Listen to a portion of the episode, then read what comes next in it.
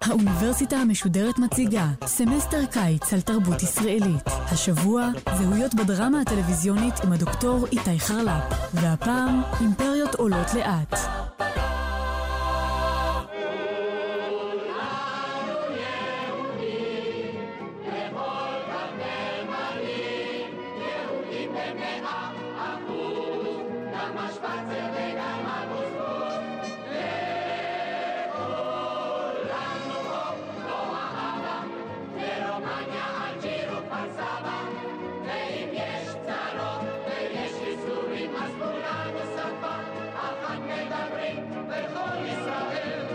דברים רעים ניתן להגיד על שיר מקסים זה, שהופיע בתחילת הסרט קזבלן בשנת 1973.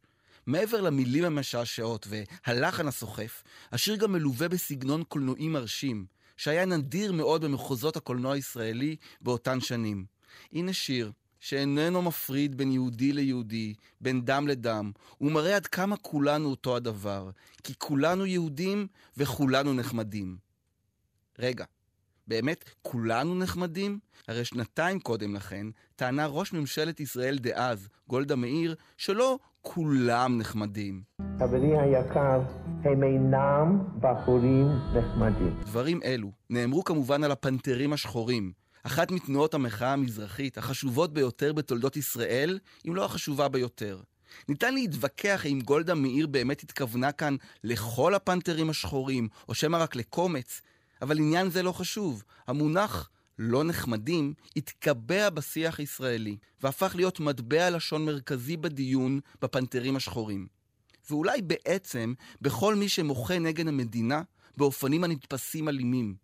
שימו לב כיצד הגיב חלק מהציבור הישראלי למאבק האתיופי בשנה האחרונה, כאשר הוא הופתע שהאתיופים חסמו כבישים והביעו זעם מובהק. הרי על פי תפיסתם האתיופים ממש נחמדים. ולכן איך הם פתאום מתנהגים באופנים כל כך לא נחמדים. מכאן שנחמדות איננה רק ניסיון לתאר מישהו באופן חיובי, היא גם סוג של צו לפעולה. אם אתה רוצה להיות נחמד, אם את רוצה להיות נחמדה, עליכם להתנהג באופנים שלא יערערו על הסדר הקיים, או לפחות לא יחסמו את נתיבי איילון שאמורים לזרום ללא הפרעות.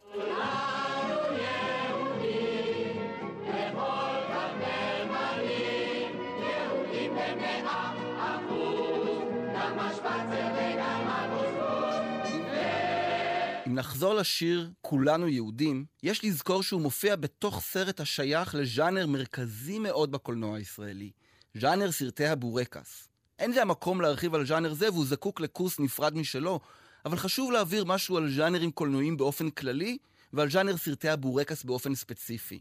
ז'אנרים, קולנועיים או טלוויזיוניים, אינם מצליחים בחברה בה הם פועלים מכיוון שהם רדודים, צפויים או פונים למחנה המשותף הנמוך ביותר. ז'אנרים פורחים בחברה מסוימת כאשר מצליחים לגעת בבעיה או שאלה מהותית באותה תרבות. בעיה שיש תחושה שאין לה פתרון אמיתי. יחד עם זאת, וזה סוד קסמם, הם מספקים לבעיה זו, בעולם הסרט לפחות, פתרון די פשוט. במילים אחרות, ז'אנרים נוגעים בבעיות עומק של תרבות ומספקים להן פתרונות קלים. ז'אנר סרטי הבורקס פורח בישראל של שנות ה-70 לא במקרה. אלו השנים בהם הפערים התרבותיים והכלכליים בין יהודים שמוצאם מארצות ערביות, מה שמכונה מזרחים, ויהודים שמוצאם מארצות אירופאיות, מה שמכונה אשכנזים, הולכים וגדלים, או לפחות הולכים ומתבהרים. אולם סרטי הז'אנר נוטים להסתיר את הסיבות ההיסטוריות והחברתיות לפערים אלו בין מזרחים לאשכנזים. פערים שנבעו בין היתר גם ממדיניות סדורה של ממשלות ישראל. ובמקום זאת, אנחנו מקבלים הבדלים כביכול טבעיים ופתרון פשוט למדי לפערים, לרוב בצורת חתונה בין מזרחים לאשכנזים, היוצרת קיבוץ גלויות מושלם. במילים אחרות, השיר "כולנו יהודים", כמו חלק נרחב מסרטי הבורקס, מכיל בתוכו את אחת הנחות היסוד המרכזיות של האידיאולוגיה הציונית, או נרטיב העל הציוני. אידיאולוגיה שקיבלה את הכותרת החיובית קיבוץ גלויות, ולעיתים אף את הכותרת כור ההיתוך. הרעיון העומד בבסיס תפיסה זו הוא שלמרות ההבדלים הרבים בין העדות והתרבויות השונות, נוצרה כאן תרבות אחידה, ובסופו של דבר כולנו יהודים.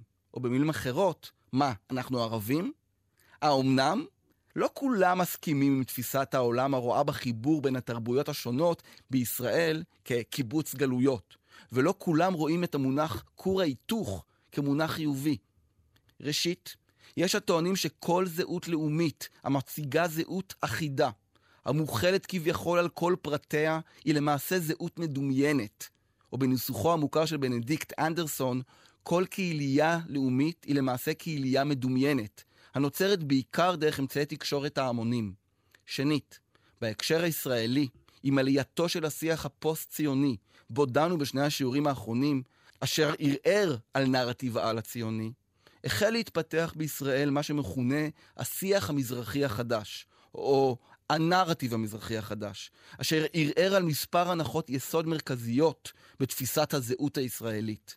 תחילה, הוא ערער על התפיסה שקיימת בישראל זהות ישראלית אחת אחידה, העומדת מנגד לזהות ערבית אחידה.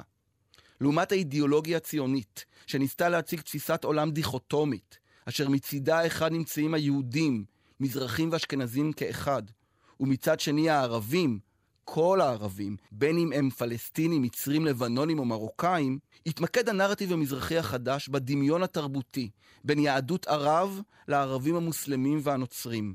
על מנת להבליט את הקרבה בין היהודי המצרי או היהודי המרוקאי לערבי, החלו אינטלקטואלים מזרחים להשתמש במונח יהודי ערבי, אשר אפשר דיון מורכב בזהות, והבליט דווקא את הדמיון בין התרבות המזרחית, או היהודית-ערבית, לתרבות הערבית, ואת המרחק בינה לבין התרבות האשכנזית ההגמונית. מטרה נוספת של הנרטיב המזרחי החדש הייתה לצאת נגד הרעיון שההגמוניה האשכנזית ששלטה ועדיין שולטת ברוב עמדות הכוח השלטוניות והמוסדיות בישראל, הצילה את אותם יהודים ערבים או מזרחים מתרבות נחותה ופרימיטיבית, או אפילו מסכנה לחייהם.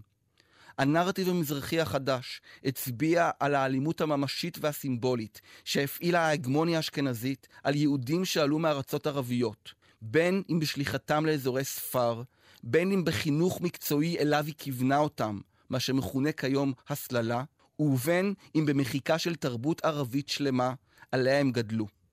ניסח זאת יפה הסופר יליד בגדד שמעון בלס, כאשר אמר כי המהגרים מהארצות הערביות נדרשו לאמץ לעצמם את ההשקפה של הממסד האשכנזי הקולט בכל הקשור למזרח ולתרבותו, ונדרשו לוותר על זיקתם הטבעית לעולם שממנו באו, לא רק בהיותו עולמו של האויב, אלא גם בהיותו נחות ומפגר.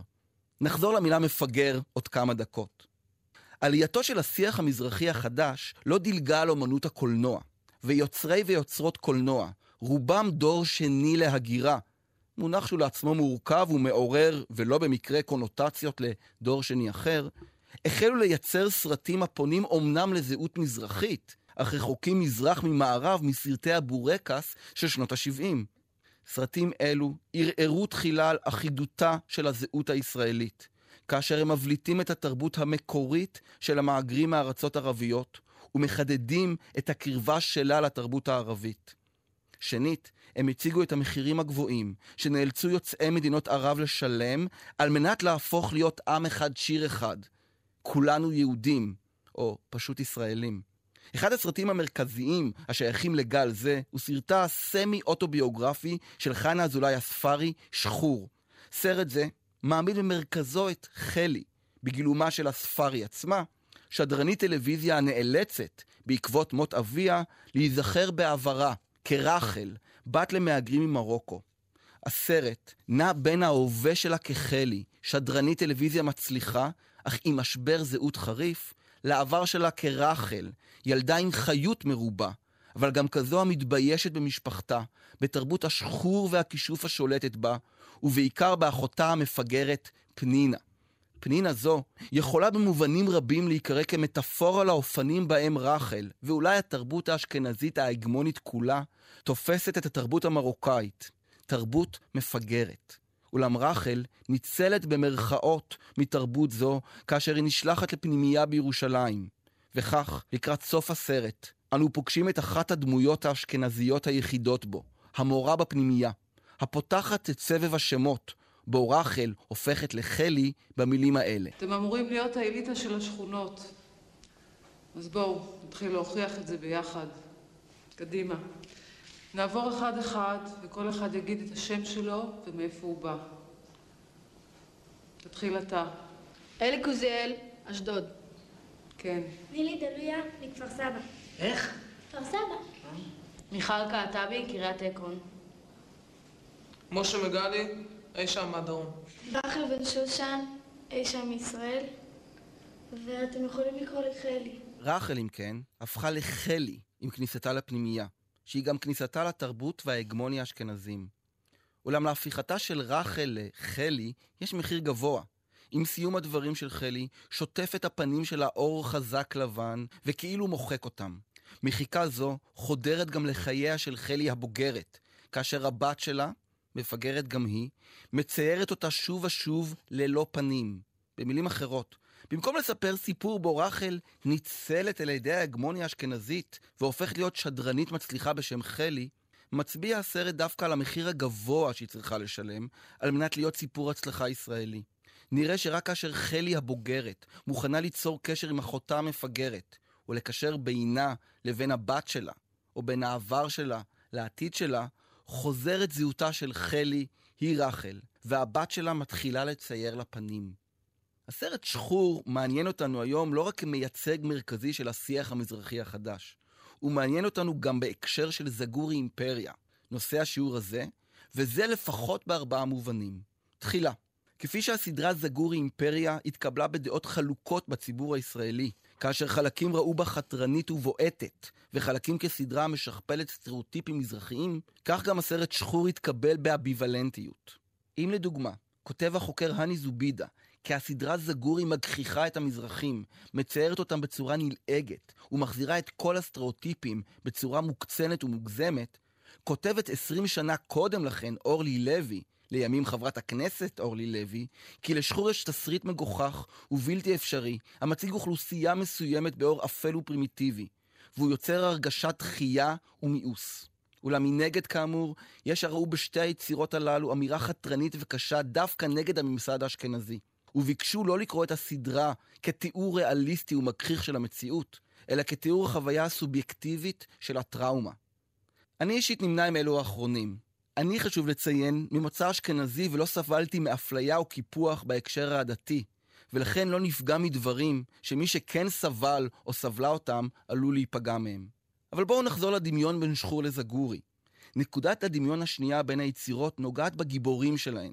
מי שנתפס גיבור הסדרה זגורי אימפריה, אם כי לפי דעתי מתגלה בסופה כאחת הדמויות הפחות מתפתחות שלה, הוא אביאל זגורי, בגילומו של עוז זהבי, והוא משכפל במובנים רבים את סיפורה של רחל היא חלי.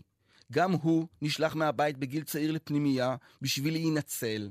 גם הוא משנה את שמו מזגורי לגור על מנת להתרחק מהמקורות המרוקאים שלו. גם הוא מתנתק לחלוטין מהמשפחה ומתבייש בה לאורך שנים. וגם הוא נאלץ לחזור הביתה בעקבות מותו של הפטריארך, במקרה זה סבו, ולהתעמת עם עברו ועם משפחתו.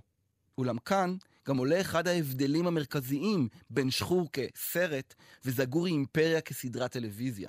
בזמן ששחור מציע סיגור ברור לסרט, הגיבורה חלי משלימה עם הזהות שלה, ואף מקבלת אישור מהבת שלה שיש לה זהות. הרי בזגורי, כמו בסדרות טלוויזיה רבות אחרות, אין תהליך ליניארי וחד-כיווני של קבלת זהות, אלא מהלך של צעד קדימה, שניים אחורה. כאשר כל רגע המספק תחושה של סיגור והבנה הופך להיות רק תחילתו של תהליך חדש. אפילו בסוף העונה השנייה, שהיא אולי גם סוף הסדרה, נראה שזהותו של אביאל זגורי עדיין קרועה בין המשפחה לבין העולם החיצוני. והסיום לא מציע סיגור ברור לסיפור שלו. אפילו את הנחמה של חיבור בינו לבין אהובתו, הסדרה לא מציעה. אבל בואו נחזור לדמיון בין היצירות. נקודת ההשקה השלישית, בין שחור לזגורי אימפריה, קשורה לפיגור כמטאפורה. אם בשחור יש את האחות והבת המפגרות, הרי זגורי מציגה לנו את אבישי, או לעתים אביחי פטר זגורי, ענה בין פיגור קל לאוטיזם. אולם בניגוד לפנינה, שהפיגור שלה פשוט נתון, ללא היסטוריה שהובילה אליו, זגורי מצביע על כך שאבישי הפך להיות מוגבל בשכלו בעקבות פעולה פיזית של אחיו, ואולי אפילו בעקבות הזנחה הורית. יותר מכך, נראה שזגורי מודעת למשמעות המטאפורית של הפיגור, וכטקסט פוסט-מודרניסטי, אף משחקת בו.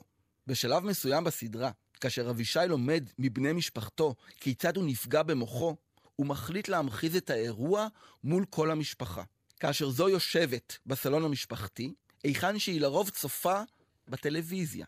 אך הפעם, במקום לראות טלוויזיה, היא רואה מחזה עם שני שחקנים, אבישי והחברה שלו, המגלמים את האירוע בו אביאל ואבישג, האח והאחות למשפחת זגורי, מפילים את אחיהם הקטן אבישי על הראש באמצע משחק.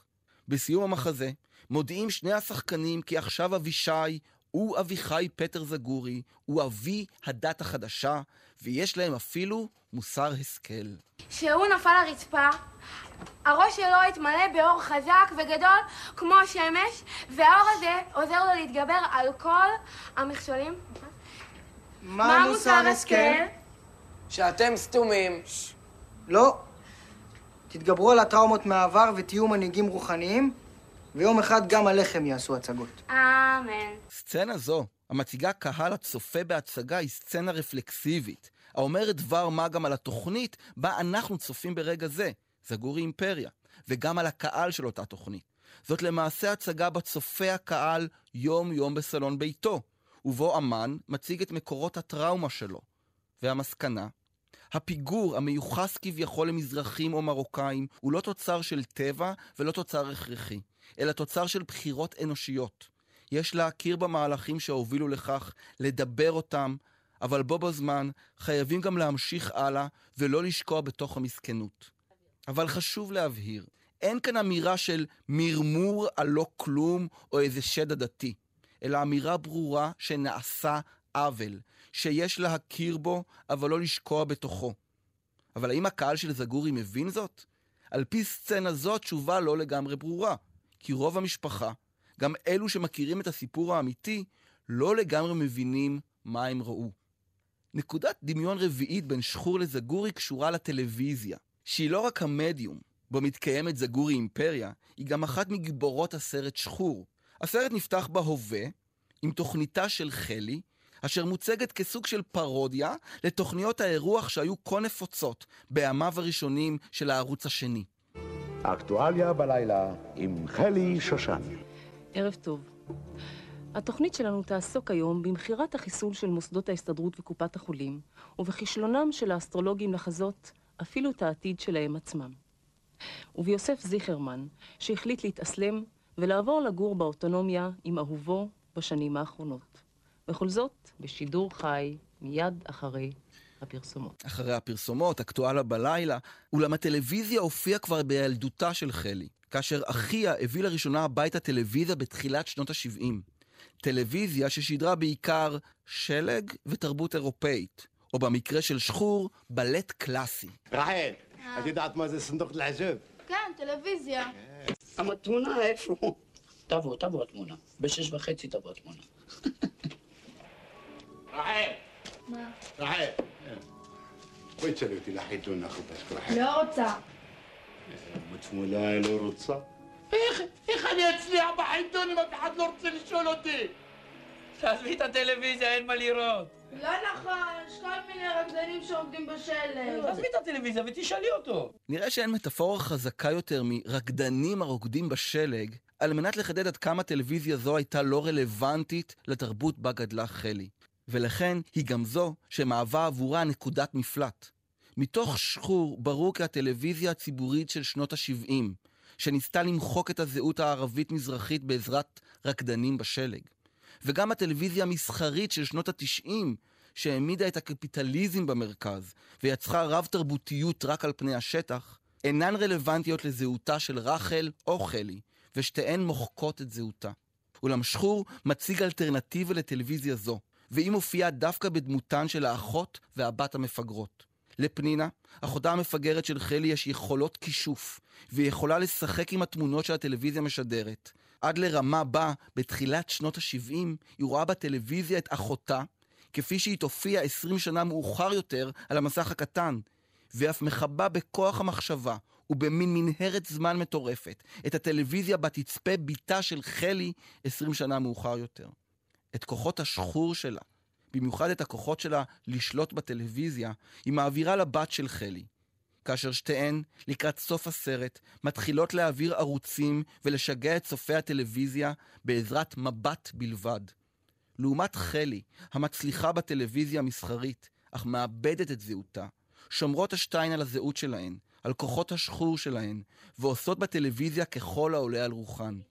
מה שמוצג בשחור כמטאפורה, הופך להיות בזגורי הדבר עצמו, כאשר הסדרה בוחרת, כמעט באופן מתריס, לחזור לסטריאוטיפים הישנים של מזרחיות, ולהציג משפחה מאוד לא נחמדה.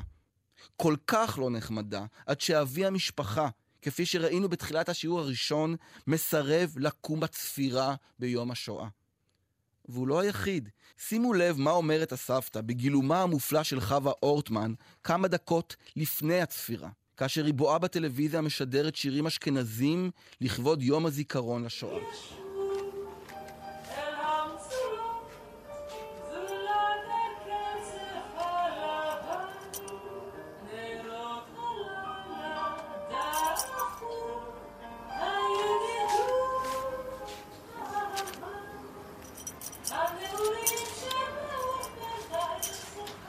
אשכנזים יש להם שירים. הם כאילו הם נהנים להיות עצובים. סבתא! אביר! איפה הדיסק של הזמר השרמנט הזה? במגירה, אמא די, שקט עכשיו.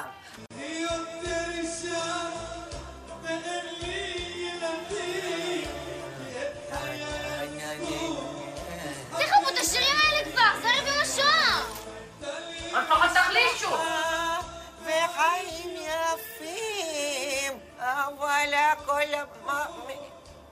משחק קלפים. אם רוצים להיות באמת עצובים, זה שירי דיקה. עזבי, גולי. לאף אחד כבוד לשום דבר בבית הזה. אמנם הסבתא לא מכשפת את הטלוויזיה, אלא מכבה אותה ושמה דיסק. אבל היא, כמו החתן שלה, בבר זגורי, מסרבת להגיד כן להגמוניה האשכנזית, שלא רק מחקה את התרבות שלה, היא גם אומרת לה איך היא צריכה להיות שמחה, איך היא צריכה להיות עצובה, ואיך היא צריכה להיות נחמדה. את זגורי, אם כך, אין לקרוא כניסיון לשקף את התרבות המזרחית כולה, או אפילו את התרבות המרוקאית. גם לא כשיקוף ריאליסטי של משפחת זגורי, משפחתו של יוצר הסדרה. זגורי היא יצירה טלוויזיונית המציעה אלטרנטיבה לרקדנים בשלג או לאקטואליה בלילה. המסמלות כל אחת מהן את שלביה הראשונים של הטלוויזיה. שלבים שלא נתנו מקום של כבוד לתרבויות לא הגמוניות, ובראשם התרבות המזרחית-ערבית. זגורי, באופנים מרתקים בעיניי, מצליחה גם להגיד דברים קשים מאוד על המציאות הישראלית ועל ההגמוניה האשכנזית, וגם להיות פופולרית ואהובה. ואם זה לא כישוף, איני יודע כישוף מהו. אנחנו לקראת סיום, וגם זגורי הסתיימה בשלב זה, כאשר לא ברור האם היא תחזור לעונה נוספת. אולם הייתי רוצה לסיים את הדיון בזגורי, ואת הדיון של קורס קצר זה, בסצנת הסיום של הסדרה, שהיא סצנה סימבולית מאוד. אמנם, מי שנתפס בתחילת הסדרה, הגיבור שלה, אביאל זגורי, לא מצליח לסגור מעגל בסופה, כאשר הפתרון המתבקש כביכול, שהוא ימצא את עצמו עם זהות ברורה ועם אהובתו, לא מתממש. אולם נראה שדווקא דמות אחרת מצליחה לסיים את הסדרה באופן שלם יותר. אני מתכוון לדמותה של אבישג זגורי, בגילומה של חן אמסלם, שהפכה במובנים רבים להיות הגיבורה האמיתית של הסדרה. אבישג, שלאורך שתי עונות שלמות מנסה לברוח בדרכים שונות מהבית שלה, אך לא מצליחה, מוצאת את עצמה, בפרק האחרון, בורחת לתל אביב, ושם, בכיכר הבימה, אחד הסממנים המרכזיים של התרבות ההגמונית, היא פוגשת קבוצה של אנשים הרוקדת עם אוזניות, כל אחד בקצב שלו. אבישג מרכיבה על עצמה אוזניות ומתחילה לרקוד. תחילה היא שומעת את שירו של דודו טסה, אחד מהאומנים המזוהים ביותר עם המושג רב-תרבותיות, כאשר הוא משלב בין מוזיקה מערבית למוזיקה מזרחית, או ליתר דיוק, עיראקית. אולם ברגע מסוים מתחלף השיר של טסה בשיר סעדי חביבי, אחד השירים המוכרים והאהובים בתרבות המרוקאית, יהודית ומוסלמית כאחד. תחילה, השיר מופיע בשקט, כאילו רק אבישג שומעת אותו דרך האוזניות. אבל פתאום הוא מתגבר, משתלט על הסצנה, וחודר לתוך כתוביות הסיום של הסדרה. סצנה זו היא במובנים רבים אחד מסממני התקופה המרכזיים, הן בהקשר התרבותי הרחב והן בהקשר הטלוויזיוני. בהקשר התרבותי אומרת הסצנה שאין צורך ליצור הרמוניה או רב-תרבותיות במחיקת כל הזהויות כולן, והפיכתן לגוש מותח אחד. כל אחד ואחת מהאינדיבידואלים בכיכר, הליטרלית או המטאפורית, יכולים לרקוד בקצב שלהם, במנגינה שלהם, ועדיין לרקוד ביחד ובאותה כיכר. בכיכר זו, של הזהות הערבית-יהודית יש מקום, אולי יהיה גם מקום לזהויות ערביות נוספות. בהקשר הטלוויזיוני, ניתן לקרוא את הריקוד באוזניות כמטאפורה לחוויית הצפייה בעידן של הטלוויזיה שאחרי. לא עוד אני הצופה יחד עם כולם בתוכניות המתאימות לכולם, אלא אני בוחר מה, מתי ואיך אני צופה, באילו אופנים ואיפה. בצפייה כזאת יש מקום לכל התרבויות. בתרבות טלוויזיה כזאת יש מקום גם לזגורי אימפריה בכיכר הבימה. ולא רק שיש לה מקום, זגורי אימפריה הופכת להיות ההצגה הכי טובה ונכונה בעיר.